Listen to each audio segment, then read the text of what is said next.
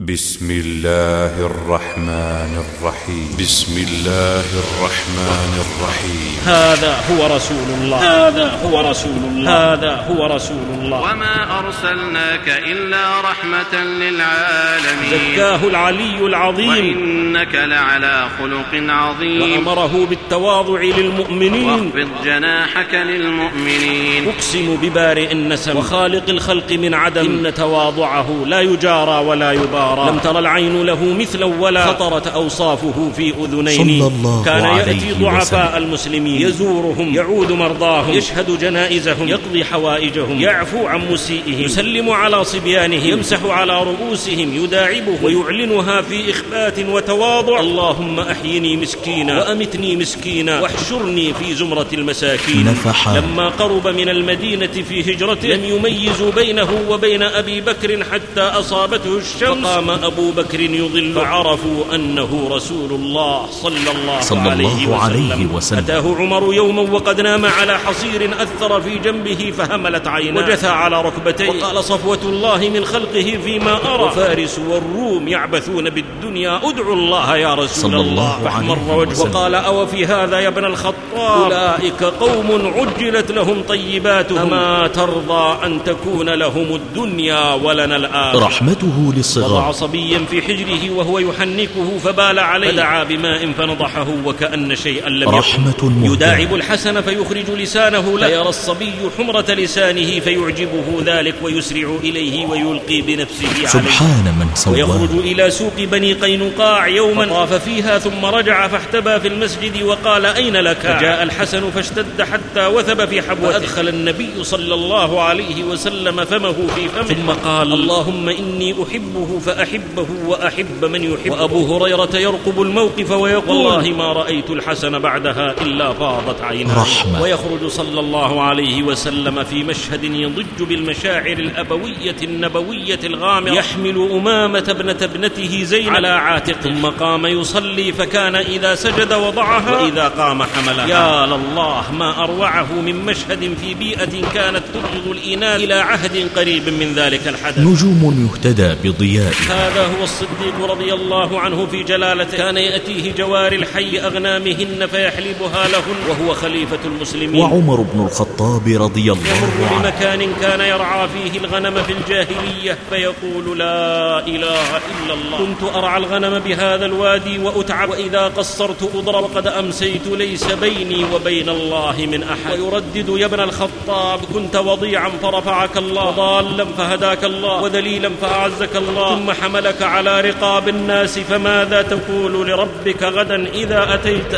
ثم يندفع في البكاء وعثمان رضي الله عنه يخطب يوم الجمعة وعليه ثوب بأربعة دراهم وهو أمير المؤمنين. ويخدم نفسه بالليل ولا يوقظ الخدم ويقول الليل لهم فيه يستريح. لا إله إلا ويشتري الله علي رضي الله عنه الطعام ويحمله بنفس لا تعرف الكبر ولا تأنف من حمل المتاع. ويقول أبو العيال أحق أن يحمل وهو من أحبه رب العالمين. عبد الرحمن بن عوف. رضي الله عنه من تواضعه في زيه لا يعرف من بين عبيده. وهو من العشرة المبشرين. وسلمان يلبس جبة خشنة. ويقول لمن لامه إنما أنا عبد ألبس كما يلبس العبد. إذا عتقت لبست ثيابا لا تبلى حواشيها في جنات وعيون. خالد بن الوليد ولما عزل سيف. الله خالد قال والله لو ولى علي أمير المؤمنين امرأة أو مملوكا لسمعت له وأطعت. ما دام يقودني بكتاب رب العالمين. وعمر بن عبد العزيز ينتظر ثيابه. حتى تجف وهو أمير المؤمنين. ولما قيل له ندفنك إذا مت مع رسول الله وصاحبيه. قال والله لأن ألقى الله بكل ذنب سوى الشرك أحب إلي من أن أرى نفسي أهلا لتلك المنزل والعاقبة للمتقين. أحمد بن حنبل كثيرا ما يقول الله. نحن قوم مساكين. ولما قيل له ما أكثر الداعين لك غرغرت عيناه وقال أخاف أن يكون هذا استدراجا من رب العالمين رحمه الله. ويأتي ابن المبارك على سقاية والناس يشربون فدنا ليشرب ولم يعرفه الناس فدفعوه. فلما خرج قال ما العيش إلا هكذا حيث لم نعرف ولم نوقر صور مشرقة. والشيخ الألباني رحمه الله لما حدث أنه رؤي في المنام يمشي خلف رسول الله صلى الله عليه وسلم أجهش وقال اللهم لا تؤاخذني بما يقولون. واجعلني خيرا مما يظنون. تواضعوا ولغير الله ما سجدوا ولا استكانوا ولا مدوا يدا ليدي. قرأت تاريخهم يوما فرف فمي شوقا لتقبيل ذاك العطر في الكتب يفيض في كل قلب من تواضعهم. روح تعيد شباب النفس في الأهب. سيروا كما ساروا. لتجنوا ما جنوا وقفوا خطى الأخيار حيث تيمموا.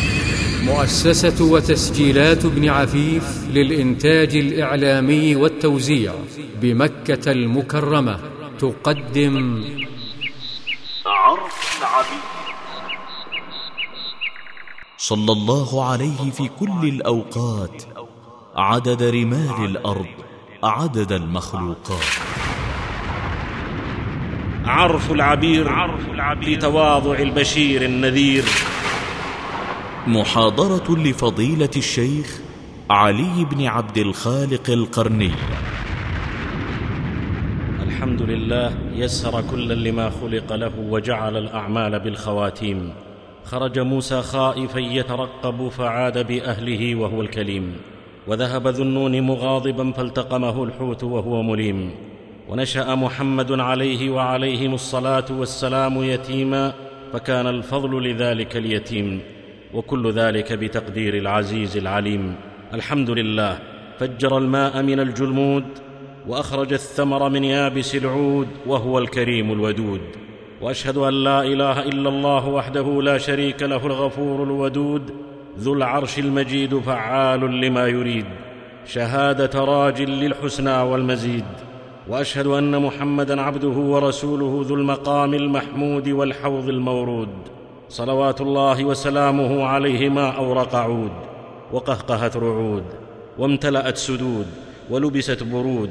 وأبرمت عقود وصدقت وعود وخفقت بنود وآله وصحبه ومن سلك طريقهم ما دار نجم في فلك. يا أيها الذين آمنوا اتقوا الله حق تقاته ولا تموتن إلا وأنتم مسلمون.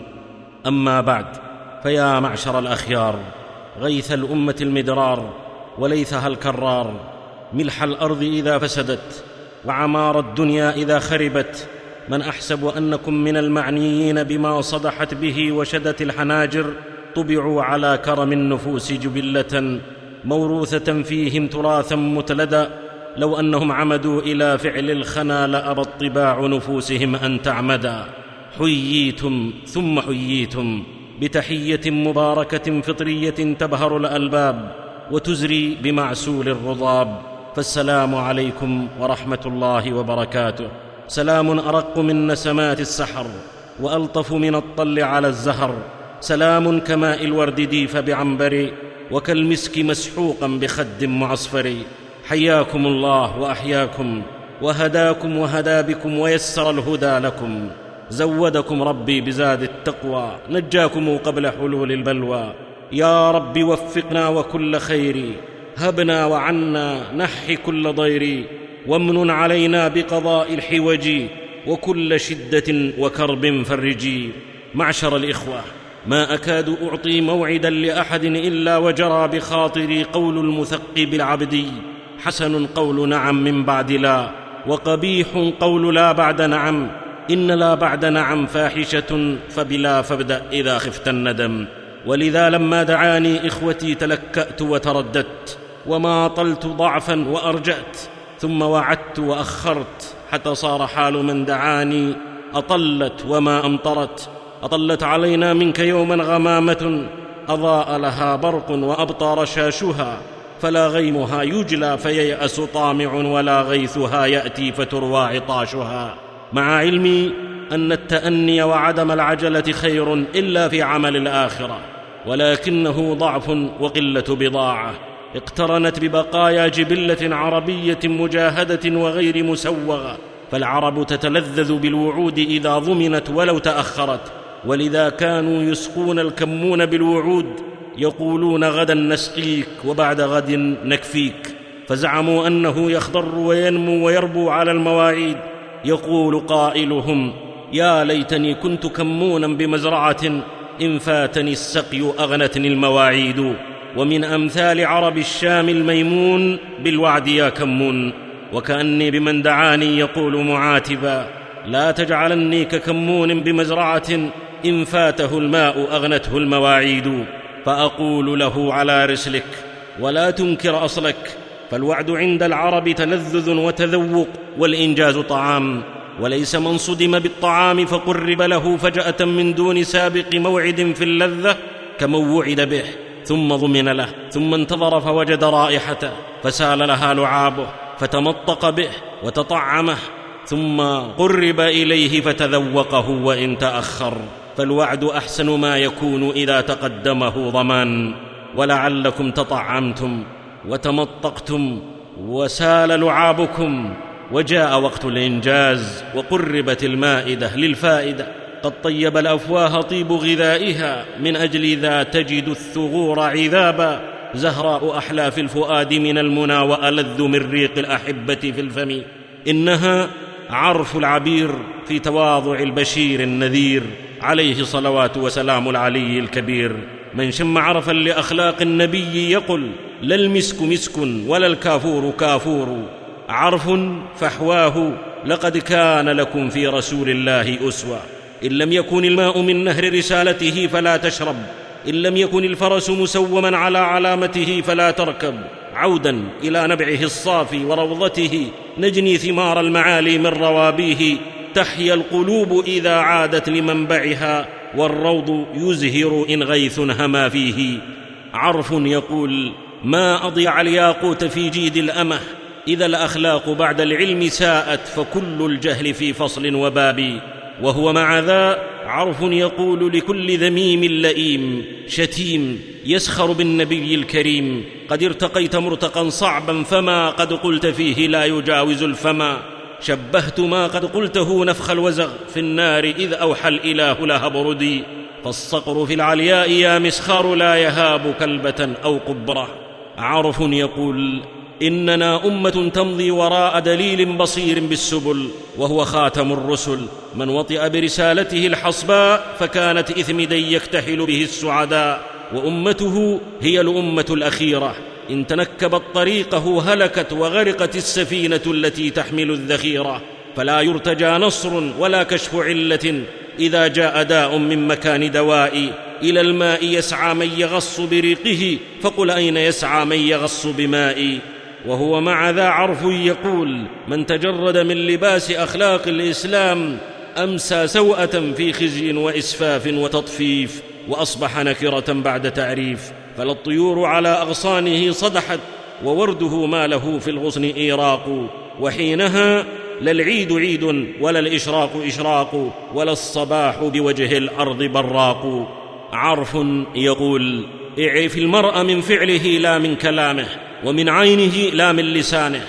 إن غرك القول فانظر فعل قائله فالفعل يجلو الذي بالزيف يستتر.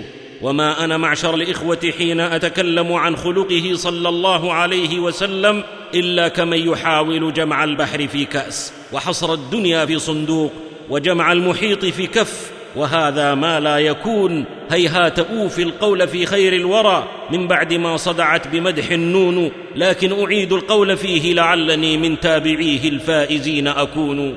والله أرجو المن بالإخلاص فإنه الطريق للخلاص. عرف العبير في تواضع البشير النذير. تواضعه ما تواضعه. أقسم ببارئ النسم وخالق الخلق من عدم. إن تواضعه لا يجارى ولا يبارى. لم تر العين له مثلا ولا خطرت أوصافه في أذنين لا يرى له فضلا على أحد وله الفضل على كل أحد وهو خير من كل أحد قد انكسر قلبه لله الواحد الأحد فخضع للحق وانقاد له وقبله ممن قاله صغيرا أو كبيرا شريفا أو وضيعا حرا أو عبدا ذكرا أو أنثى. صلى الظهر أو العصر يوما ركعتين كما في الصحيح ثم سلم. وشعر بنقص وخلل لا يدري ما سببه فقام لخشبة معروضة في المسجد فاتكأ عليها وكأنه غضبان. قد وضع يده اليمنى على اليسرى وشبك بين أصابعه لأن نفسه الكبيرة تحس بأن هناك شيئا لم تستكمل. ولهيبته صلى الله عليه وسلم لم يجرؤ أحد أن يفاتحه حتى أبو بكر وعمر أكابر صحابته. فقام ذو اليدين وقطع ذلك الصمت قائلا يا رسول الله أنسيت أم قصرت الصلاة؟ فقال بناء على ظنه لم أنس ولم تقصر. فقال ذو اليدين بل نسيت. فقال صلى الله عليه وسلم متثبتا أكما يقول ذو اليدين؟ قال الصحابة نعم. فقام وصلى ما ترك وسجد للسهو بعد أن سلم وكأن شيئا لم يكن. خلق عظيم. زكاه العلي العظيم. وإنك لعلى خلق عظيم. جعل كبير المسلمين بمنزلة أبيه وصغيرهم بمنزلة ابنه ونظيره في السن بمنزلة أخيه فوقر الكبير ورحم الصغير وأعطى كل ذي حق حقه فلم يكن أحد يلهيه عن أحد كأنه والد والناس أطفال وكيف لا يكون كذلك وقد أنزل الله عليه فيما أنزل؟ أن الجنة دار المتواضعين. تلك الدار الآخرة نجعلها للذين لا يريدون علوا في الأرض ولا فسادا والعاقبة للمتقين وأمره بالتواضع للمؤمنين واخفض جناحك للمؤمنين وأوحى إليه أن تواضعوا حتى لا يبغي أحد على أحد ولا يفخر أحد على أحد. فهو سيد المتواضعين بل سيد ولد آدم أجمعين قد أخذ بزمام هذا الخلق العظيم فهو أحق من فيه قيل قسم التواضع في الأنام جميعهم فذهبت أنت فقدته بزمامه وذهبت أنت برأسه وسنامه. كان يأتي ضعفاء المسلمين يزورهم يعود مرضاهم يشهد جنائزهم يتعهد حاضرهم ويسأل عمن غاب منهم لما وصل تبوك سأل أين كعب بن مالك ولما رأى رجلا عن بعد قال كن أبا خيثمة فكان. وبعد إحدى غزواته فقد أحد أصحابه ممن لا يأبه الناس له فقال هل تفقدون من أحد؟ قالوا فلانا وفلانا وفلانا. قال هل تفقدون من أحد؟ قالوا لا. قال لكني أفقد جليبيبا فاطلبوه. فطلبوه فوجدوه قد قتل سبعة من المشركين ثم قتلوه. فقال هذا مني وأنا منه. ثم وضعه على ساعديه حتى أدخله قبره. تواضع قشاع في البلاد وذاع في الحضر وفي البوادي. كذا كان مع أصحابه. يشفع لهم يقضي حوائجهم يتخولهم بالموعظة. يعفو عن مسيئهم يقضي ديونهم يفرج كروبهم يعلم جاهلهم يطعم جائعهم. يكسو عاريهم يسلم على صبيانهم يمسح على رؤوسهم يداعبهم يجلسهم في حجره يحنكهم يدعو لهم يدخل السرور عليهم. لا يحسب جليسه أن احدا أكرم عليه منه. ما حدثه أحد إلا مال بأذنه إليه. ما صافح احدا فيرسل يده حتى يرسلها مقابله. يكرم من دخل عليه وربما بسط له ثوبه وآثره بوسادته. يجيب الدعوة. ويقبل الهدية ويثيب عليها وإذا ردها أبدى سبب ردها تطيبا لخاطر من أهداها. ويقول في تواضع النبوة لو دعيت إلى كراع لأجبت ولو أهدي إلي ذراع لقبلت. يجالس الفقراء والمساكين ياكلهم ويقول أبغوني ضعفاءكم إنما تنصرون وترزقون بضعفائكم. ويعلنها في إخبات وتواضع. اللهم أحيني مسكينا وأمتني مسكينا واحشرني في زمرة المساكين. تواضع لما زاده الله رفعة. كذاك جليل القدر جم التواضع. لهديه انهض فهو بالمتابعة. الخبر الجزء المتم الفائدة. عليه صلى الله ثم سلم. وآله وصحبه وتابع سما. كان صلى الله عليه وسلم أعظم الناس تواضعا. شمخت رتبته فوق الثريا وهو لم يشمخ بأنف الكبرياء. لا تغلق دونه الأبواب ولا يقوم دونه الحجاب ولا يغدى عليه بالجفان ولا يراح. بارز من أراد أن يلقاه لقيه. أتاه عدي بن حاتم في مسجده وقد طوف الأرض هربا حتى وضع يده في يده. وفي ذهنه تصور أنه صلى الله عليه وسلم إما ملك أو نبي لأن تبعية الناس لا تكون لأحد في ذهنه إلا بهذين العاملين. قال عدي فانطلق بي فوالله إنه لعامد بي بيته.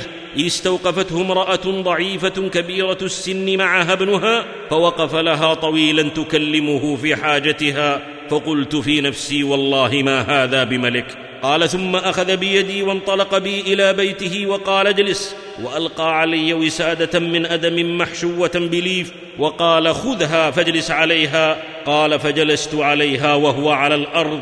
فقلت في نفسي والله ما هذا بملك. وفي تواضع النبوة دعاه إلى الإسلام. أسلم يا عدي. لعله إنما يمنعك من الدخول في هذا الدين ما ترى من حاجة أهله. ويم الله ليوشكن أن يفيض المال بأيديهم حتى لا يوجد من يأخذه. لعله إنما يمنعك ما ترى من قلة عدد المسلمين وكثرة عدوهم. ويم الله إن طالت بك حياة لترين الضعينه تخرج من الحيرة إلى بيت الله. لا تخشى إلا الله. لعله إنما يمنعك ما ترى أن الملك لغيرهم. ويم الله لئن طالت بك حياة لترين قصور كسرى قد فتحت وأنفقت كنوزها في سبيل الله. جبل الثلج تلاشى حينما رنت الشمس بعينيها وذاب. زالت الغشاوة عن عينيه وسقطت حجب الجاهلية عنه. والليل ولى والظلام تبددا والصبح أشرق والضياء تجددا. شهد الشهادتين ورأى بأم عينه ما أخبره به رسول الله. وأقسم ليرين ما لم يره بعد إيمانا بقول رسول الله صلى الله عليه وسلم. حاله وإن تراكمت الظلماء في طرقي فلي من الوحي في الأحداث كشاف معلنا أن أعظم عامل لاجتذابه إلى الإسلام هو تواضع رسول الله صلى الله عليه وسلم الجم. أيها الشم لقد كان لكم في رسول الله أسوة. وقد أكمل الله الهدى برسوله فكل الهدى ما بين ذكر وسنة. صلى عليه الله ذو الجلال وصحبه وحزبه والآل. كان صلى الله عليه وسلم أشد الناس تواضعا. تواضعه أعلاه ثم ارتقت به نبوته في الباذخات السوامك. اختار أن يكون عبدا رسولا عن أن يكون ملكا نبيا. ويكفيه شرفا قول ربه سبحان الذي أسرى بعبده. ولعظم تواضعه نهى عن إطرائه ورفعه فوق منزلته. لا تطروني كما أطرت النصارى ابن مريم. إنما أنا عبد فقولوا عبد الله ورسوله. ما أحب أن ترفعوني فوق منزلتي التي أنزلنيها الله. لا يقوم أصحابه له إذا رأوه لما يعلمون من كراهيته له.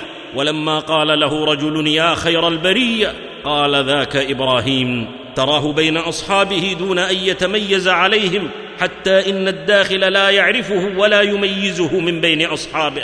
لما قرب من المدينة في هجرته لم يميزوا بينه وبين أبي بكر حتى أصابته الشمس فقام أبو بكر يظله فعرفوا أنه رسول الله صلى الله عليه وسلم. يدخل الأعرابي المسجد والرسول صلى الله عليه وسلم بين أصحابه فيقول أيكم محمد؟ كان من التواضع لله على حال لم يكن عليه حال أحد قط. سجد في الماء والطين حتى رأوا أثر الطين في جبهته وباع واشترى وحمل متاعه دون خدم ولا حشم ولم يفقد هيبته. متواضع والنجم دون محله وكذا تكون شمائل الأمجاد. صلى عليه بارئ العباد ما جرت الأقلام بالمداد. كان صلى الله عليه وسلم مثال تواضع لا نظير له. ما رأى الراؤون خلقا مثله خلقا أكمله البر الرؤوف. لا يأنف أن يمشي مع الأرملة والمسكين والعبد حتى يقضي لكل حاجته في صحيح مسلم عن أنس رضي الله عنه أن امرأة كان في عقلها شيء قالت يا رسول الله إن لي إليك حاجة. فقام يكنيها ويكرمها ويشفق عليها أكنيه حين أناديه لأكرمه ولا ألقبه والسوءة اللقب. كذاك أدبت حتى صار من خلقي أني وجدت ملاك الشيمة الأدب. يقول يا أم فلان انظري اي السكك شئت حتى أقضي لك حاجتك. فخلا معها في بعض الطرق حتى فرغت من حاجتها. تلكم أياديه وأخلاقه ظل ظليل ومحل رفيع كان إذا صلى الغداه جاء خدم المدينة بآنيتهم فيها الماء فما يؤتى بإناء إلا غمس يده فيه ولو جاءوه في الغداة الباردة. خلق من ذوب شهد شيب بالماء الفرات. تأمل غاية التواضع. حين تأتيه امرأة لا رجل أمة لا حرة. وتأخذ بيده في إشارة إلى غاية التصرف فيه حتى لو كانت حاجة هذه الأمة خارج المدينة. في الصحيح عن أنس قال إن كانت الأمة من اماء المدينة لتأخذ بيد رسول الله صلى الله عليه وسلم فتنطلق به حيث شاءت. يتقي الكبرياء ويدري بأن لم يؤثر الكبرياء إلا الوضيع.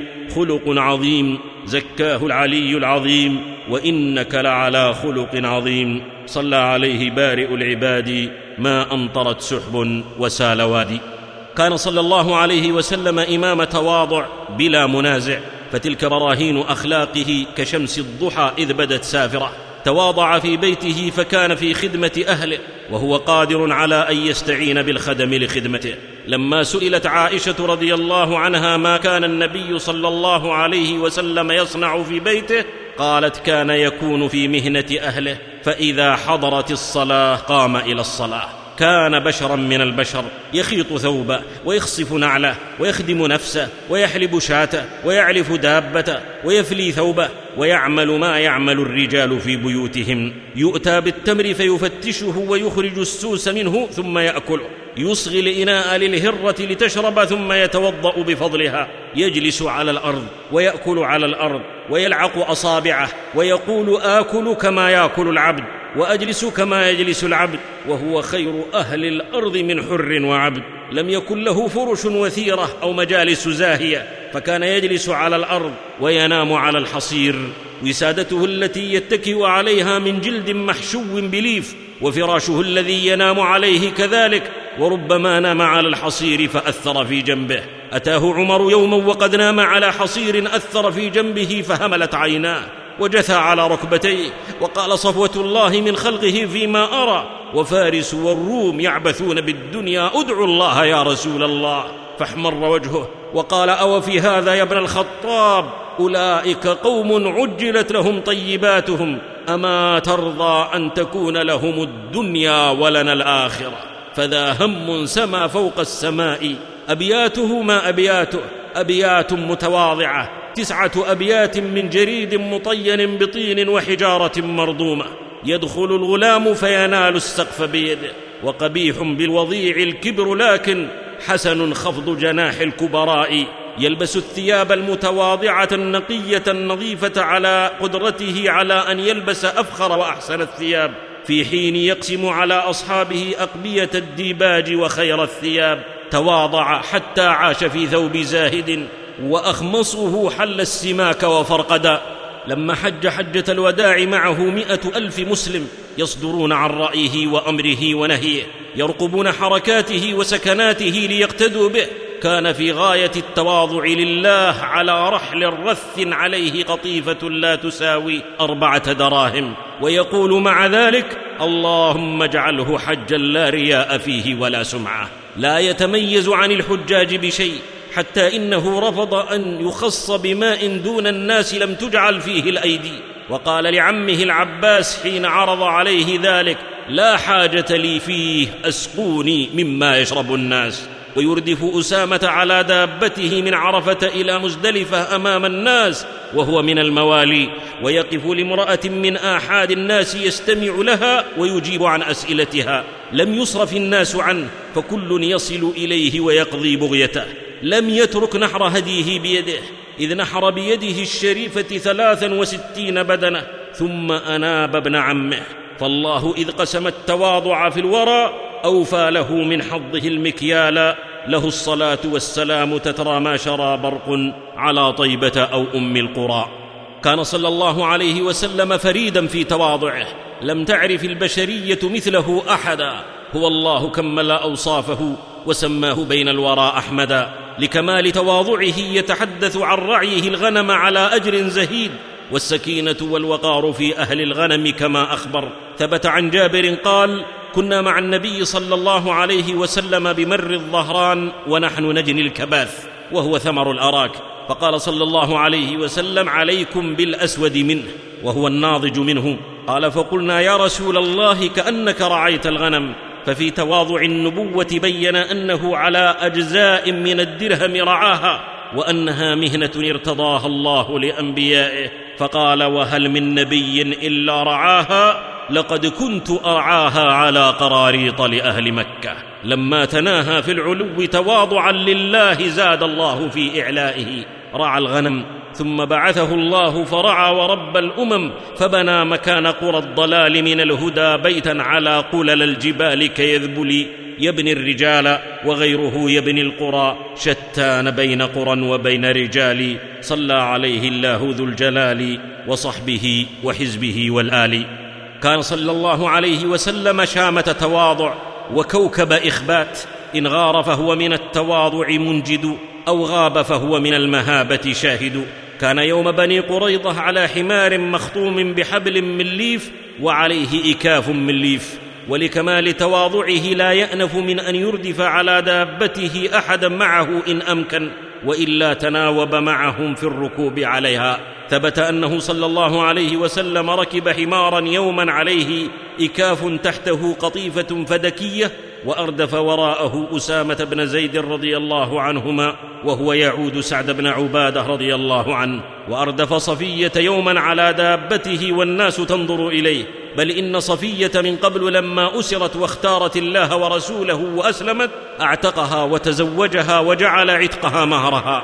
ثم قدم البعير لها لتركب عندما أراد المدينة وقدم فخذه لتضع رجلها عليها فأعظمت ذلك وأبت أن تضع قدمها ثم وضعت فخذها على فخذه وركبت. فيا لله! امرأة كانت مملوكة فاعتقها وأبوها عدو لدود يؤلب القبائل عليه وكذلك عمها وزوجها يكيد أشد الكيد له ومع ذا فإسلامها قطع صلتها بأولئك ورفع قدرها حتى وضع النبي فخذه لتتوصل بها إلى ركوب البعير في خلق زكاه العلي الكبير وآفى كما وافى النسيم بطيب أنفاس العبير. وذا عبد الله بن جعفر رضي الله عنهما يقول كان النبي صلى الله عليه وسلم إذا جاء من سفر تلقي بصبيان أهل بيته وجاء من سفر فسبق بي إليه فحملني بين يديه ثم جيء بأحد ابني فاطمة حسن أو حسين فأردفه خلفه فدخلنا المدينة ثلاثة على دابة هم في جبين الدهر أنصع صفحة لم تبلها الأعوام والآباد. وها هو ابن مسعود يقول كنا يوم بدر كل ثلاثة على بعير لقلة الظهر. وكان أبو لبابة وعلي رضي الله عنهما زميلي رسول الله صلى الله عليه وسلم على دابته. لم يفرد نفسه براحلة مستقلة بل جعل نفسه كبقية أفراد جيشه. ليعلمنا أن الكمال ليس في الترفع والتعالي على المؤمنين بل الكمال الحقيقي في خفض الجناح للمؤمنين. إن كريم الأصل كالغصن كلما تحمل من خير تواضع وانحنى. ركب النبي صلى الله عليه وسلم عقبته ولما أراد النزول لهما أقبل علي وأبو لبابة يؤثرانه بركوب الدابه وهم إنما يؤثرون أنفسهم لأنه أحب عليهم من أنفسهم. يقولون نحن نمشي عنك يا رسول الله. فبين صلى الله عليه وسلم أن الذي له حق التميز في الركوب هو الضعيف الذي لا يقوى على المشي. وأن المشي في سبيل الله ثواب لا يزهد فيه إلا محروم. فقال ما أنتما بأقوى مني وما أنا بأغنى عن الأجر منكما. ثم نزل يمشي فود كل راكب أن لو مشى لما رأى رسول الله صلى الله عليه وسلم يمشي. أكرم به من مرسل ومعلم وله الشفاعة حين نحشر في الورى. فتح الإله به قلوبا غلقت وأنار ابصارا وكانت لا ترى. أما إنه لم تكد تر عين أو تسمع أذن بعظيم يقبل أن يزاحمه أحد في راحلته مهما كانت قرابته أو محبته سوى رسول الله صلى الله عليه وسلم. على خلقه الأخلاق قدرا كما علت جميع ليالي العام ليلة قدره. صلى عليه الله ذو الجلال وصحبه وحزبه والآل. كان صلى الله عليه وسلم في غاية التواضع لمن أراده. وفي حلة مهابة ما خالطه أحد إلا أحبه وما رآه إلا هابه. مهيب ترى عند أعتابه عظام الملوك كبعض الرقيق. ثبت في سنن ابن ماجه عن ابن مسعود رضي الله عنه أن رجلا أتى رسول الله صلى الله عليه وسلم فأصابته من هيبته رعدة. ففي تواضع النبوة يهدئ روعه ويسكن نفسه ويشفق عليه ويبين له أنه ابن امرأة نشأت متواضعة فقيرة خشنة العيش تأكل اللحم المشقق المملح المجفف في الشمس منتسبا لها تواضعا قائلا هون عليك إني لست بملك إنما أنا ابن امرأة من قريش تأكل القديد ترقى بخفض النفس حتى على السماء وحل مكانا لم يكن حل من قبل. نعم إنه ابن آكلة القديد الأبية ومع ذا فهو هادي البشرية وإمام البرية ومحيي الأمة بشرع الله ذي الفضل والمنة. قد أصبحت سبل الدين الحنيف به عوامرا بعد أن كانت أماريتا. علمنا صلى الله عليه وسلم أن العظمة ليست في اغتنام الفرص لتعميق الرهبة والرعب في قلوب الناس تكبرا وتعاليا وأن العظمة الحقيقية في رفع معنويات الناس حتى يستطيعوا أن يبثوا شجونهم وهمومهم ويعبروا عما يختلج في نفوسهم آمنين من عقوبة أو لوم يوجه لهم. فأعظم الناس دلالة ونفعا وهداية لهذه الأمة هم أعظمهم تواضعا. فبهداه مقتده وهداهم مورد ترده الهيم فتروى وتهوي إليه النفوس فتجد عنده ما تهوى وماء زمزم ما ينفك ذا عبق يروي الجموع إذا ما الماء قد نفدا كان صلى الله عليه وسلم سماء من تواضع متواضع وهو الرفيع مقامه ووضيع قوم ليس بالمتواضع لتواضعه يسعى في حاجات الناس صغيرها وكبيرها. ويحث على ذلك فيقول ومن مشى في حاجة أخيه حتى يثبتها له ثبت الله قدمه يوم تزل الأقدام. كان لأهل بيت من الأنصار جمل يسنون عليه فمنعهم ظهره. فجاءوا إلى رسول الله صلى الله عليه وسلم وقالوا عطش الزرع والنخل ومنعنا الجمل ظهره. فقام رسول الله صلى الله عليه وسلم ومعه أصحابه فدخل النبي الحائط والجمل في ناحية منه فقالت الأنصار يا نبي الله إنه قد صار مثل الكلب الكلب وإنا نخاف عليك صولته.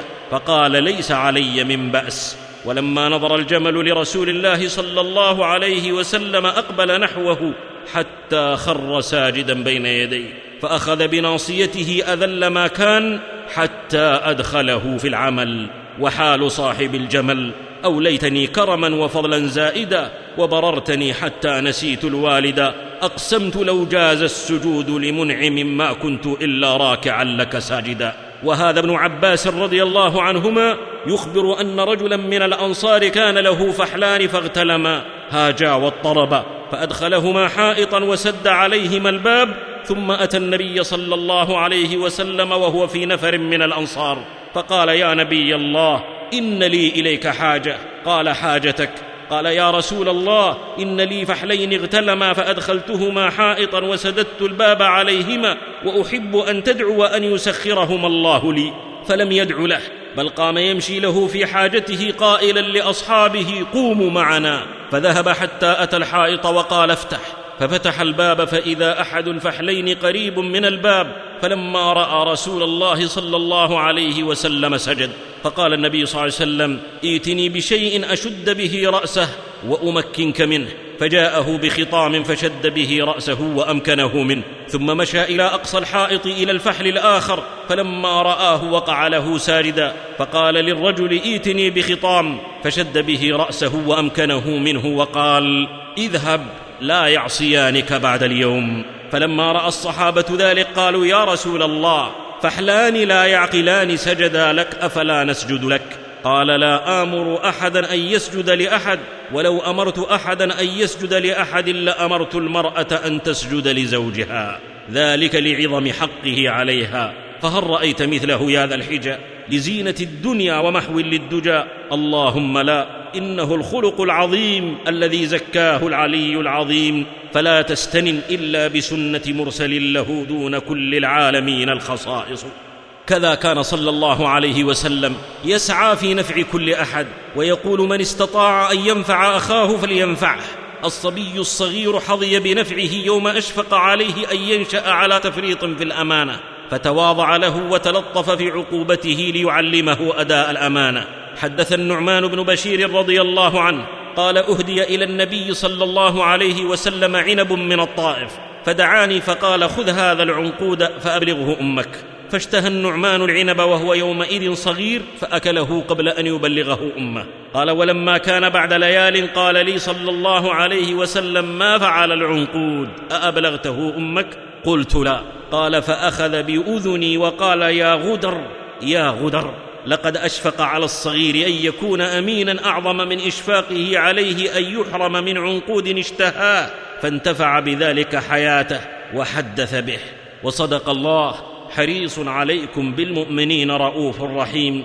إذا شنف الآذان ذكر خلاله يود سوى الآذان لو أنه أذن صلى عليه بارئ العباد ما أمطرت سحب وسال وادي ولكمال تواضعه صلى الله عليه وسلم لا يستنكف أن يعلم الجاهل ما لم يحسن عمله وهو في كامل زينته ذاهب إلى مسجده. فعن أبي سعيد الخدري رضي الله عنه قال مر رسول الله صلى الله عليه وسلم بغلام يسلخ شاة لا يحسن سلخها. فعز عليه صلى الله عليه وسلم أن يدعه فوقف يعلمه قائلا تنحى حتى أريك فإني لا أراك تحسن تسلخ. فأدخل يده بين الجلد واللحم فدحس بها حتى توارت إلى الإبط ثم قال يا غلام هكذا فاسلخ. ثم مضى إلى صلاته ولم يمس ماء. خلق عظيم زكاه العلي العظيم وإنك لعلى خلق عظيم ومن في كتاب الله عظم خلقه. فكل مديح ما خلا ذاك ناقص. صلى عليه الله ذو الجلال وصحبه وحزبه والآل. كان صلى الله عليه وسلم عماد تواضع ومنارة إخبات. وجد التواضع قد تهدم ركنه فأقام ساقط ركنه المهدوم. يقول البراء رضي الله عنه لما كان يوم الأحزاب وخندق رسول الله صلى الله عليه وسلم رأيته ينقل تراب الخندق حتى وار التراب جلدة بطنه وكان كثير الشعر.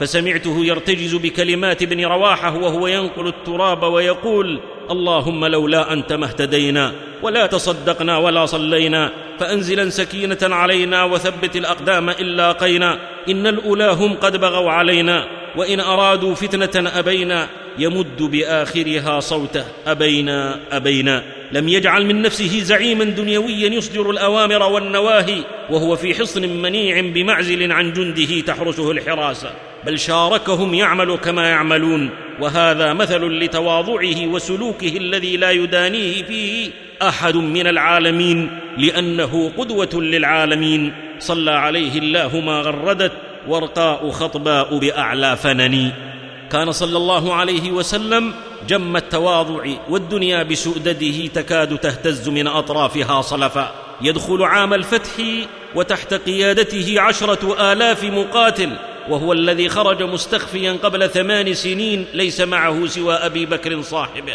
إنه دخول يستهوي النفوس البشرية أن تبلغ ذروة الذرى في الكبرياء والجبروت والتعالي. ولكنه صاحب الخلق العظيم يدخلها دخول خاشع متواضع قد طأطأ رأسه وانحنى على رحله. عثنونه يكاد يمس واسطة رحله انخفاضا وانكسارا وتواضعا لربه مستشعرا منة الله عليه بالفتح والظفر والنصر والمغفرة.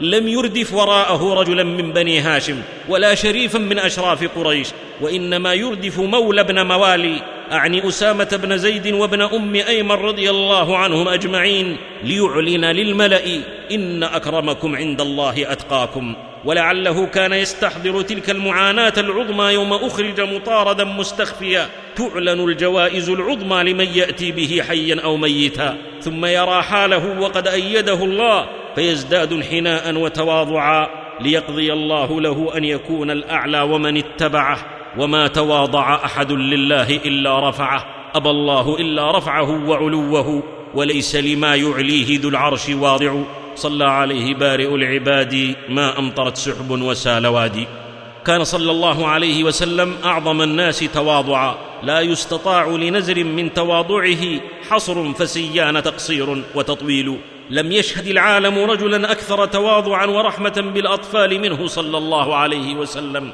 وضع صبيا في حجره وهو يحنكه فبال عليه فدعا بماء فنضحه وكأن شيئا لم يكن.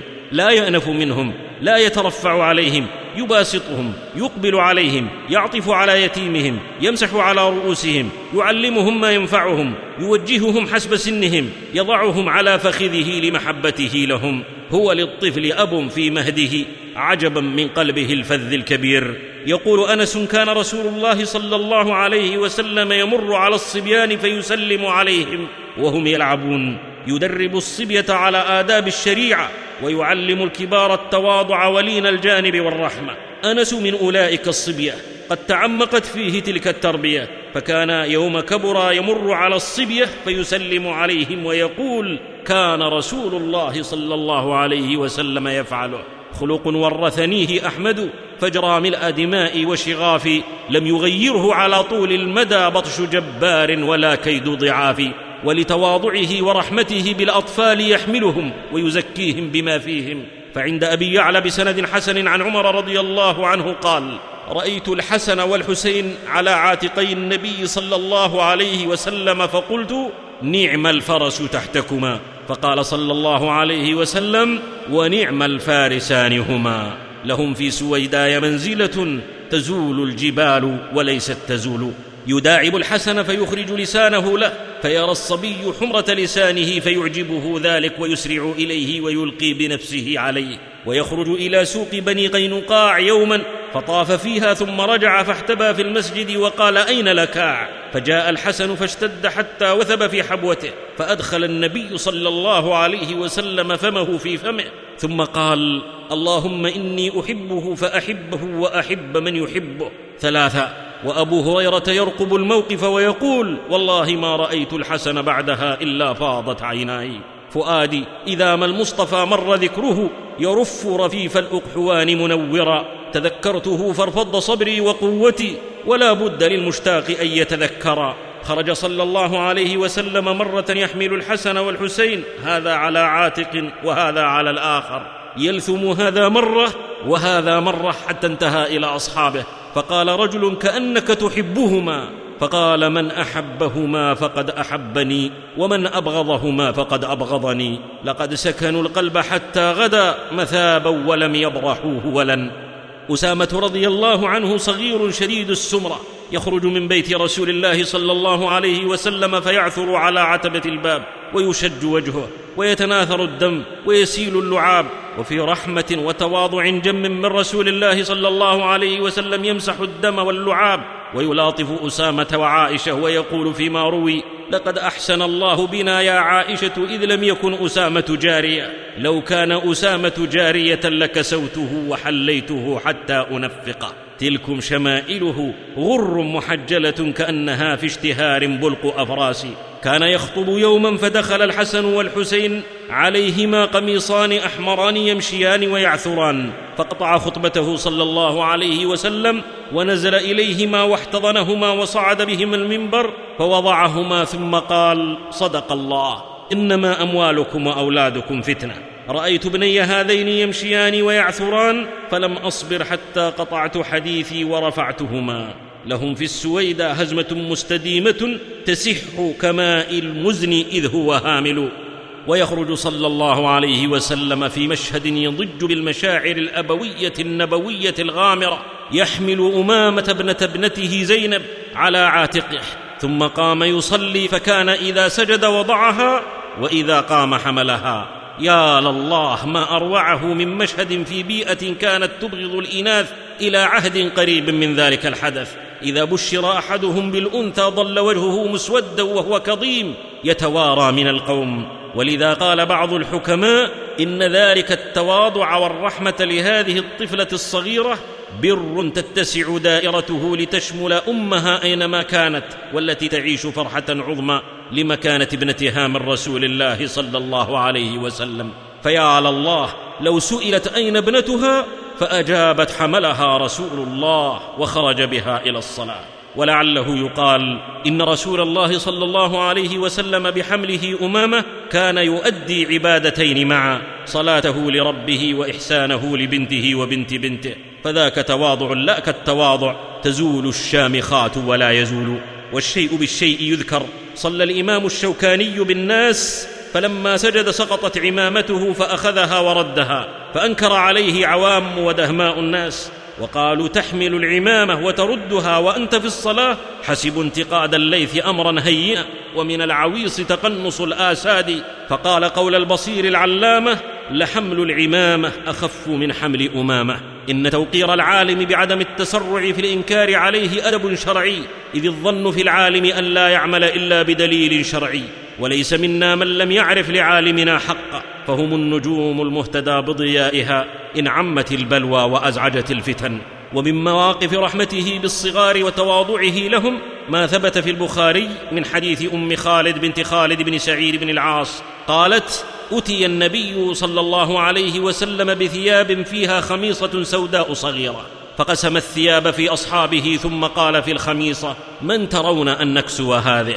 فسكتوا ولم يرشحوا له أحدا فلم يختر لهذه الخميصة واحدة من بنات بناته أو قريباته لكنه اختارها لابنة صحابي هاجر الهجرتين ليكرم معها أباها وأمها وأسرتها الذين هجروا الأهل والديار إلى أرض الحبشة البعيدة فارين بدينهم من ظلم المشركين وأذاهم. ثم زاد في التكريم أن دعا بالطفلة ليلبسها الخميصة بيده الشريفة فقال إيتوني بأم خالد بنت خالد بن سعيد فجيء بها تحمل صحبة والدها وعليها قميص أصفر حتى وضعت بين يديه فألبسها الخميصة بيده وقام ينظر إليها يداعبها ويمدح منظرها ويمسح على اعلام الخميصة قائلا بلغة الحبشة هذا سنا.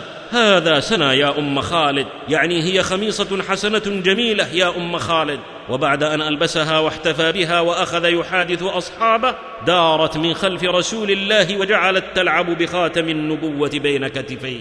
فزبرها وزجرها أبوها فطلب منه صلى الله عليه وسلم أن يدعها تمضي فيما هي فيه. ودعا لها مع ذلك بطول البقاء فقال صلى الله عليه وسلم دعها. أبلي وأخلقي ثم أبلي وأخلقي ثم أبلي وأخلقي. فطال عمرها وتزوجت ورزقت ولدا سمته خالده وكانت من أواخر الصحابيات وفاة ببركة دعاء رسول الله لها. تلكم معشر الإخوة صور من عناية رسول الله بالصغار ذكورا وإناثا فعلا وقولا ودعاء. فما وطئ الحصى مثل المقفى ولا لبس النعال ولا احتذاها. قد اطمأن الأطفال إلى معشره وأمنوا تأنيبه فضلا عن عقوبته.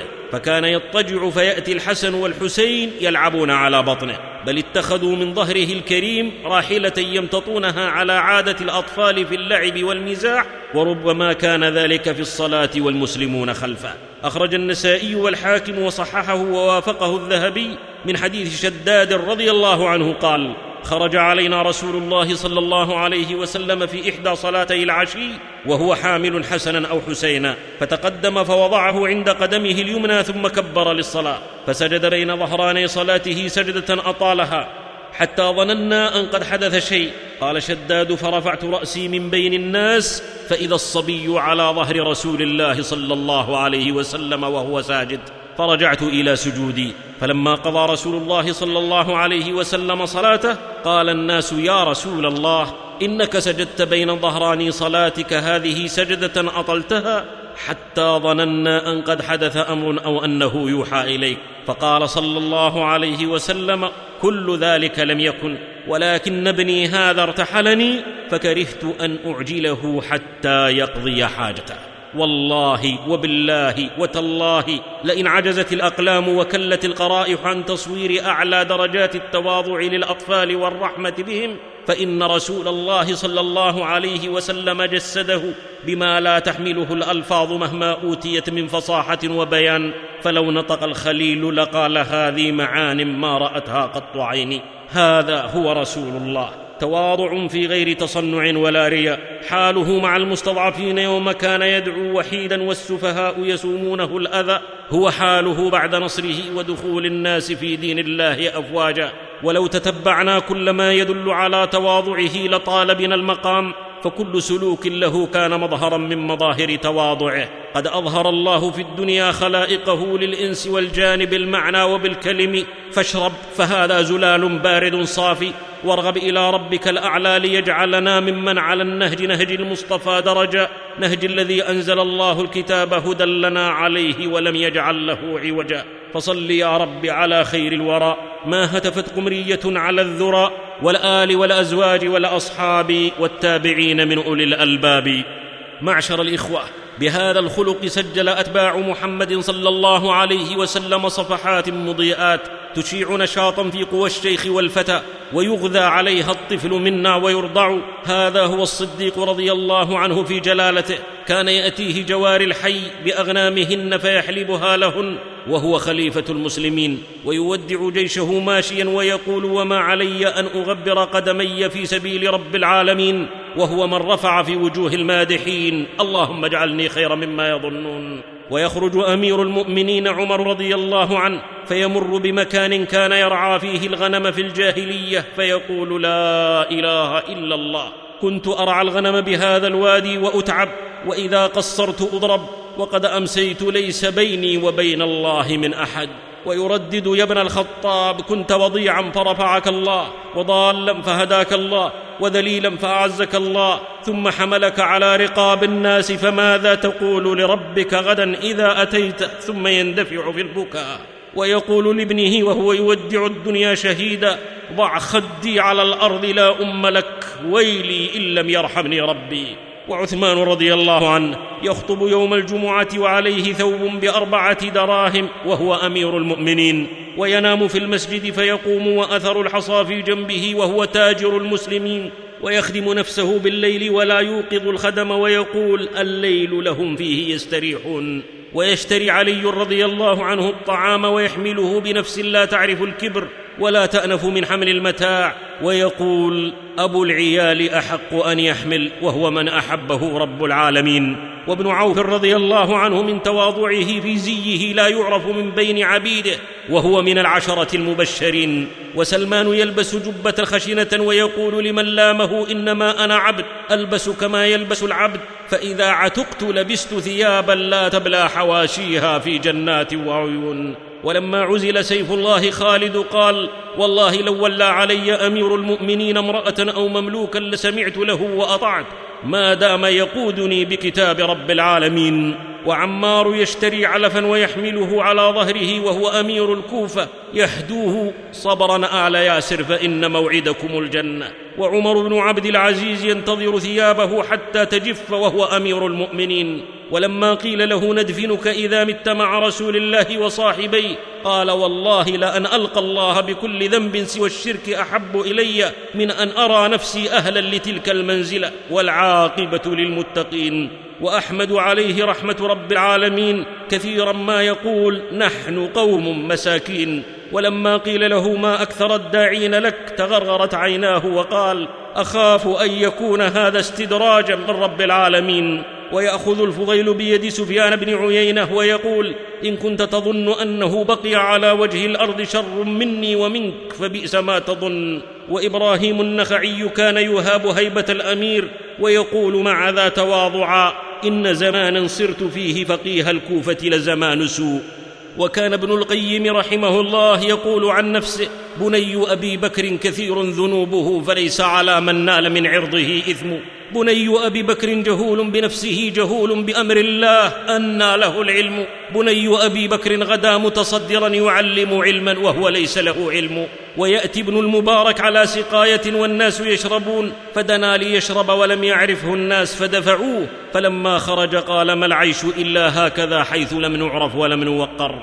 ونقل عن الشيخ محمد بن إبراهيم رحمة الله عليه أنه ما قال عن نفسه يوما. الشيخ أو المفتي. إلا أنه كلم عاملا في فندق يوما للحجز لأحد الضيوف فقال العامل من؟ قال محمد بن إبراهيم. فما عرفه فقال آل الشيخ فما عرفه فقال المفتي فعرفه ثم قال رحمه الله هداه الله ألزمنا أن نقول هذه الكلمة.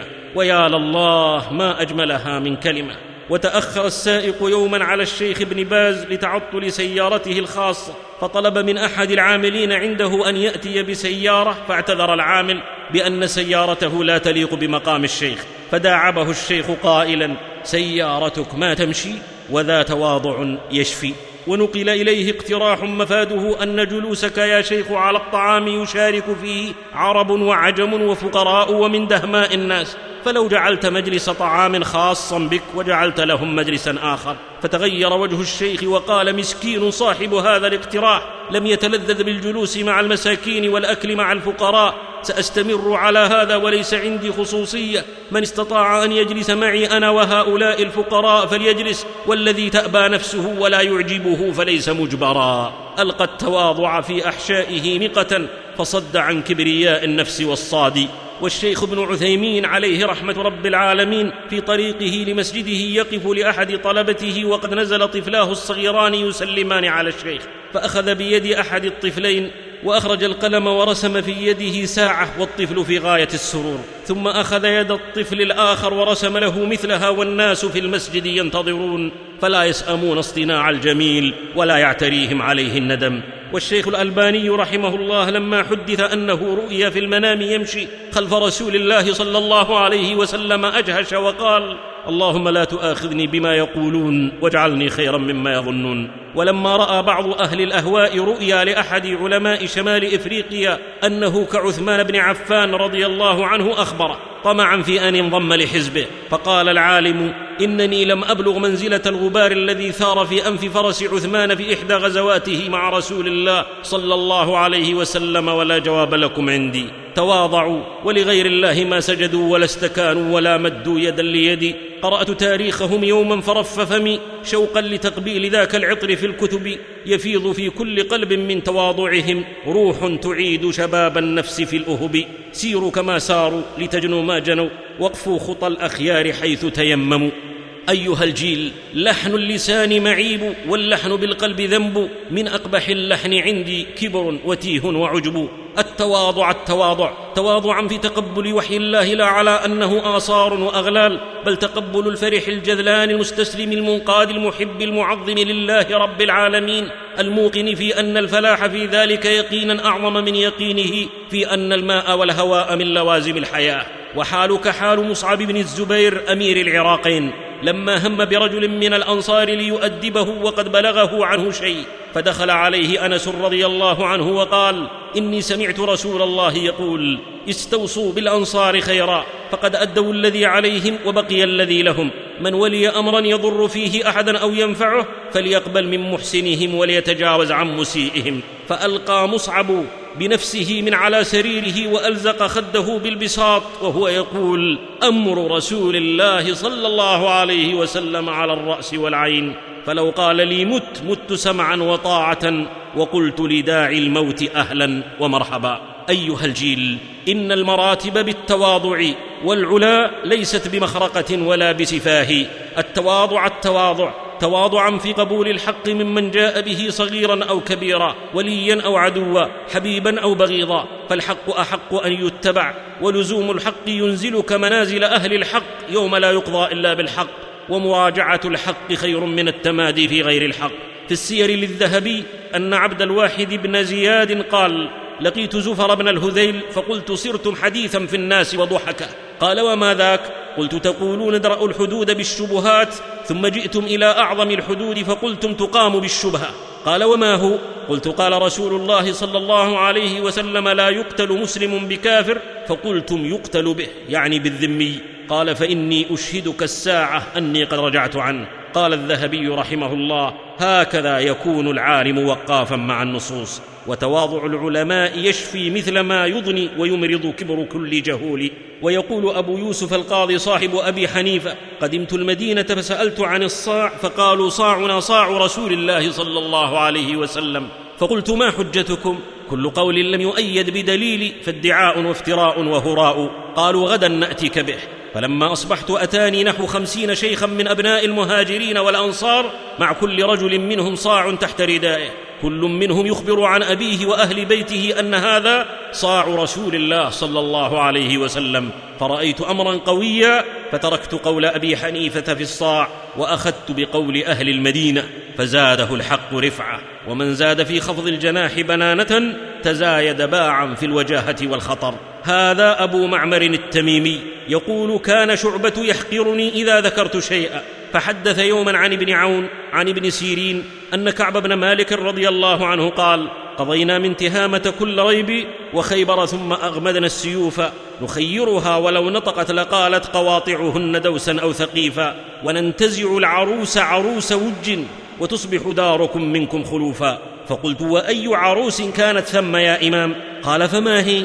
قلت وننتزع العروش عروش وج من قول الله خاوية على عروشها. قال أبو معمر فكان بعد ذلك يكرمني الشعبة ويرفع مجلسي وشعاره أصبت وأخطأت وفوق كل ذي علم عليم لأن أكون ذنبا في الحق خير من أن أكون راسا في الباطل. فيا أيها الجيل من جاء بحق فاقبله ولو كان بعيدا بغيضا ومن جاء بباطل فاردده وإن كان قريبا حبيبا ومن جاء بحق وباطل فرد الباطل واقبل الحق فالكبر بطر الحق. والحق مر فامضغوه فإنما تحلو الحياة إذا أسيغ العلقم. أيها الجيل أرفع الناس قدرا من لا يرى قدره. فاعرف قدر نفسك ولا تضعها في غير موضعها. وإذا خرجت من بيتك فلا يقعن بصرك على مسلم إلا رأيت أنه قد يكون خيرا منك. لا تجعل من نفسك ندا لجهابذة العلماء وتقول هم رجال ونحن رجال. وقل هم نسور في السحاب ونحن نحبو على التراب. لا يكن هجيراك أن تقول بقول المتعالم المتعالي أرى وأنا وقلت وعندي فيصخ مسمعك زيد أو هند بمن أنتم حتى يكون لكم عند. تواضع لأقرانك ولا تستعلي عليهم ولا تفرح بالنيل منهم. والحط من قدرهم وعيبهم بما ليس فيهم وإظهار ذلك في مظهر النصيحة والتقويم لهم. ولا تتجاهل نفعهم فإن لم ترض منهم بعض قول فقل حسبهم أنهم يدعون إلى الله ويعلمون الناس الخير. ومن ذا الذي ترضى سجاياه كلها كفى المرء نبلا أن تعد معايبه. وكم مبصر في عين صاحبه القذى وفي عينه جذع وما هو مبصر. أيها الجيل تواضع ولا تحقر من هو أصغر منك سنا أو أقل قدرا فقد يكون أسلم منك قلبا وأقل ذنبا وأعظم إلى الله قربا. إن الكواكب في العيون صغيرة والأرض تصغر عن بساط الكوكب. لا تشمخ على مبتلى بمعصية. واحمد الله أن نجاك مما ابتلاه فربما يصحب عملك عجب يحبطه ويصحبه انكسار وندم وخوف من ذنبه يغفر الله له بسببه. إن التواضع من خصال المتقي وبه التقي إلى المعالي يرتقي. أيها الجيل. الحكمة أبت إلا أن تسكن قلبا متواضعا وأن تهجر قلبا ملئ كبرا. الزرع ينبت في السهل ولا ينبت على الصفا. من شمخ برأسه إلى السقف شجع ومن طأطأه اضله وأكن. ما طار طير وارتفع إلا كما طار وقع. السنبلة المثقلة بالحب تحني راسا والفارغة تتعالى على السنابل ولا تصلح إلا علفا. ملأ السنابل تحني بتواضع والفارغات رؤوسهن شوامخ.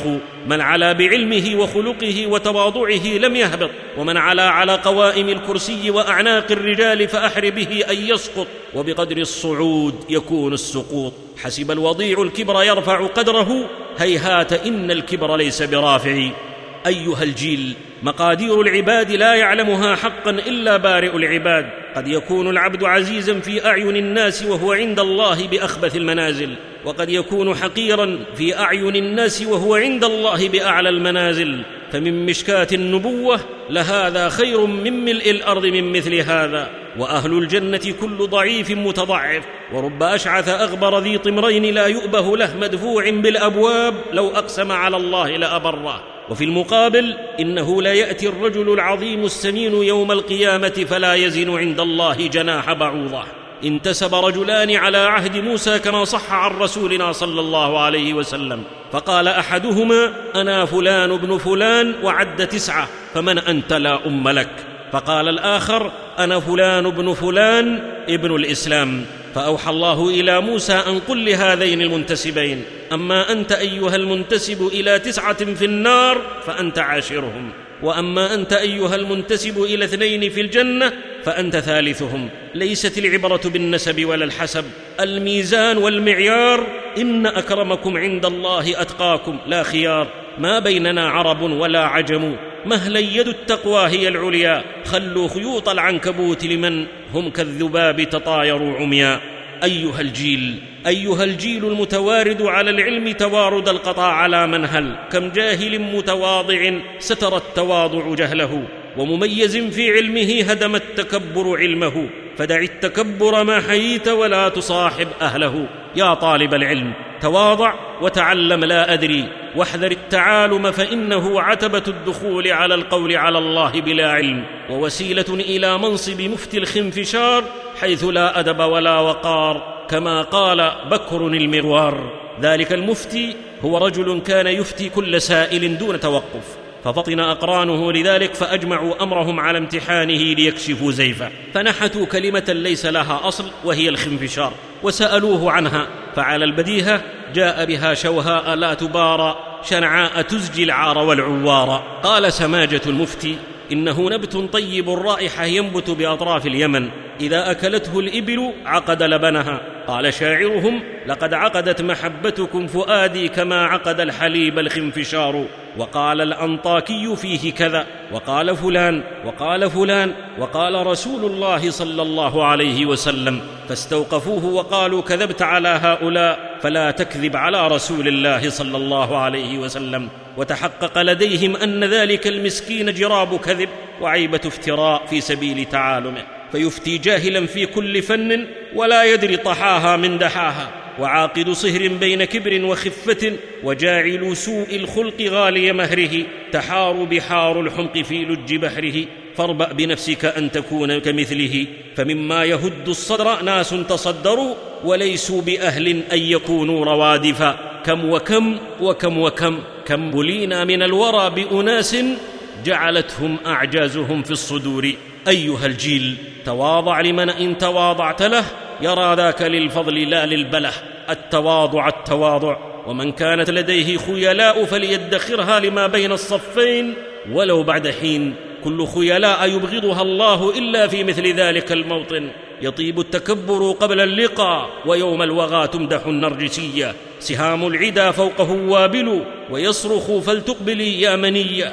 يتيه اختيالا إذا ما مشى كمشي الملوك برجل حفيه له هيعة الحرب لحن الفدا سواه له الدف السامريه أيها الجيل إن الله يحب التواضع ويبغض المهانة والضعه. التواضع انكسار القلب لله وخفض جناح الذل والرحمة لعباده. وأما بذل النفس في نيل شهواتها البهيمية فهي الخسة والدناءة والمهانة. وشتان ما بين السماء والسماوات أيها الجيل توقح من زكى إلى الناس نفسه وأوقح منه من سليقته النفج. وما بكم من نعمة فمن الله ولن ينجي أحدا منكم عمله إلا أن يتغمده الله برحمته. ومن رأى أنه متواضع فقد تواضعه. فلا تزكوا أنفسكم هو أعلم بمن اتقى. وما الخير إلا في امرئ متواضع وإن مسف المزن أخلق بالمطر وأحسن مقرونين في عين ناظر جلالة قدر في خمول تواضع. أيها الجيل وخير لباس شرف المرء لبسه لباس ثناء طيب الذكر ذائع. جميع ثياب الدهر يبلى جديدها ويبقى على الأيام ثوب التواضع. احذر الكبر فإنه يحط القدر ويجلب الخسر.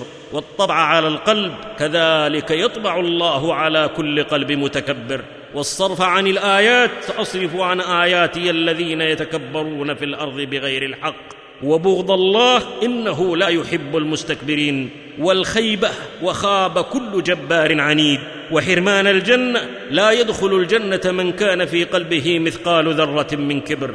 والبغض إلى النبي صلى الله عليه وسلم والبعد عن مجلسه يوم القيامة. والحشر في صورة الذر والناس تطأه في تمام الذل. والحقيقة التي لا تدحض ولا تنقض إن الكبر كلب ينبح في قلب صاحبه والملائكة لا تدخل بيتا فيه كلب فإن تنج منه تنج من ذي عظيمة وإلا فإني لا إخالك ناجيا. أيها الجيل تواضع لرب العرش علك ترفع فقد فاز عبد للمهيمن يخضع. تواضع ولا يهولنك إن رأيت في لجة هذه الحياة ارتفاع البعر والتبن وانخفاض الجوهر والتبر واضطراب الموازين واختلاف المقاييس. وانتفاش المتكبرين ونفوق المنافقين وكساد المتواضعين الصادقين فإنما هي لحظات لحكمة ويعود بعدها كل شيء لأصله التبن تبن والتبر تبر والورد ورد والقرد قرد. والقرد قرد ولو حليته الذهب ولو تعلم نطق الإنس والجان. يا أيها المتعالي وهو منتفخ كدمية في يد الأطفال تبتذل. طار القناع الذي تخفي به زمنا وجه الحقيقة فاعقل أيها الخبل. تواضع إذا كنت تبغي العلا وكن راسيا عند صفو الغضب. فخفض الفتى نفسه رفعة له واعتبر برسوب الذهب. أيها المعلم والمربي التوازن التوازن في المدح والتقدير والثناء فمن الطلاب من تهفو نفسه وترنو عينه بالثنى لكل فضيلة فيزداد قوة وجدا وإقبالا ومنهم من يبعث فيه المدح والثناء تعاليا وغرورا وتيها فتفرسا في طبائع النفوس تفرسا. والحكمة الحكمة والقصد القصد أيها المربون وتأملوا قول الإبراهيمي في المضمون. لا تجاوزوا حدا إلى حد فتضروا من حيث قصدتم النفع. المدح مذك للنشاط وزيادته مدعاة للغرور. ولان تخمدوا نشاطا خير من أن تشعلوا غرورا. النشاط قد يعود والغرور قد لا يزول. والغرائز ضاريه والتجارب فضاحة. والاسوه رسول الله صلى الله عليه وسلم. قال لمادح ويحك قطعت عنق صاحبك. ومع ذا قال في بعض أصحابه خير فرساننا أبو قتادة وخير رجالتنا سلمة. وقال لابن عمر نعم الرجل عبد الله. هذا وخير الهدى هدى محمد بن عبد الله فهو المهند ما نبا إذ يضرب والشمس في أفق العلا لا تعزب ويحق أن أطئ السماك بهديه إن السماك علي لا تستصعب. أيها الجيل التواضع التواضع أفضل العبادة التواضع. متى ما ظفرت بأهله فانصب خيمتك واضرب الأوتاد واعقد الأطناب والزم مضاربهم واصبر نفسك معهم ولا تعد عيناك عنهم فالمرء على دين خليله والطبع لص والصاحب بصاحبه. ورب فتى على خلق ودين أحاط به جبابرة البرايا فما زالوا به حتى تجبر. إذا راض النمور أخو ميول فلا تعجب إذا هو قد تنمر. أخضع نفسك للحق وانقد له وجاهدها عليه واعلم أن التواضع لله والإزراء بالنفس وهضمها ليقطع من المسافات في السير إلى الله والدار الآخرة ما لا يقطعه ظمأ الهواجر بالصيام وسهر الليل بالقيام. فإذا تذللت الرقاب تقربا منها إليه فعزها في ذلها يبقى للمتواضع الثواب. ويفنى الكبر والإعجاب ويعود إلى التراب كل خارج من التراب والذين جاهدوا فينا لنهدينهم سبلنا وعد منزل الكتاب ومجري السحاب. أخيرا معشر الإخوة هذا هو العرف الذي رددته مرارا في قولي. فمن نفح إلى عرف وإيماض وإكليل إنه عرف في تواضعه صلى الله عليه وسلم وتواضعه تواضعه بحر متلاطم الأمواج يهيم الخريت في مهامه والفجاج فلم يخلق من المتكبرين وذاكم خير من ركب المطايا ومن قرأ المثاني والمئين إلزم غرزه وتشبث بخلقه هذا هو العرف في اختلاسة طرف. فخذي يا أمة الإيمان كنزا وامنحي منه عراقا وشآما وامنحي منه قريبا وبعيدا وانشري منه على الأرض السلاما. يا رب اسكنا فسيح جنتك والنار نجنا منها برحمتك واغفر لنا ما كان من ذنوبنا وزين الإيمان في قلوبنا والحمد لله على إتمامه ثم صلاة الله مع سلامه على النبي وآله وصحبه وحزبه وكل مؤمن به وسبحانك اللهم وبحمدك أشهد أن لا إله إلا أنت أستغفرك وأتوب تم هذا العمل باستوديو ابن عفيف بمكة المكرمة. الإخراج الفني والهندسة الصوتية أبو مازن. وفي الختام تقبلوا تحيات إخوانكم بمؤسسة وتسجيلات ابن عفيف للإنتاج الإعلامي والتوزيع. المملكة العربية السعودية مكة المكرمة شارع المنصور أمام مسجد ابن حسن هاتف رقم خمسة أربعة سبعة اثنان اثنان اثنان اثنان فاكس خمسة أربعة اثنان خمسة ثمانية ثمانية ثمانية. صندوق بريد واحد ستة ثلاثة خمسة جوال صفر خمسة صفر صفر ثمانية صفر صفر خمسة ثلاثة ثلاثة. موقعنا على الإنترنت www.benafifnet.com البريد الإلكتروني info at benafifnet.com والسلام عليكم ورحمة الله وبركاته.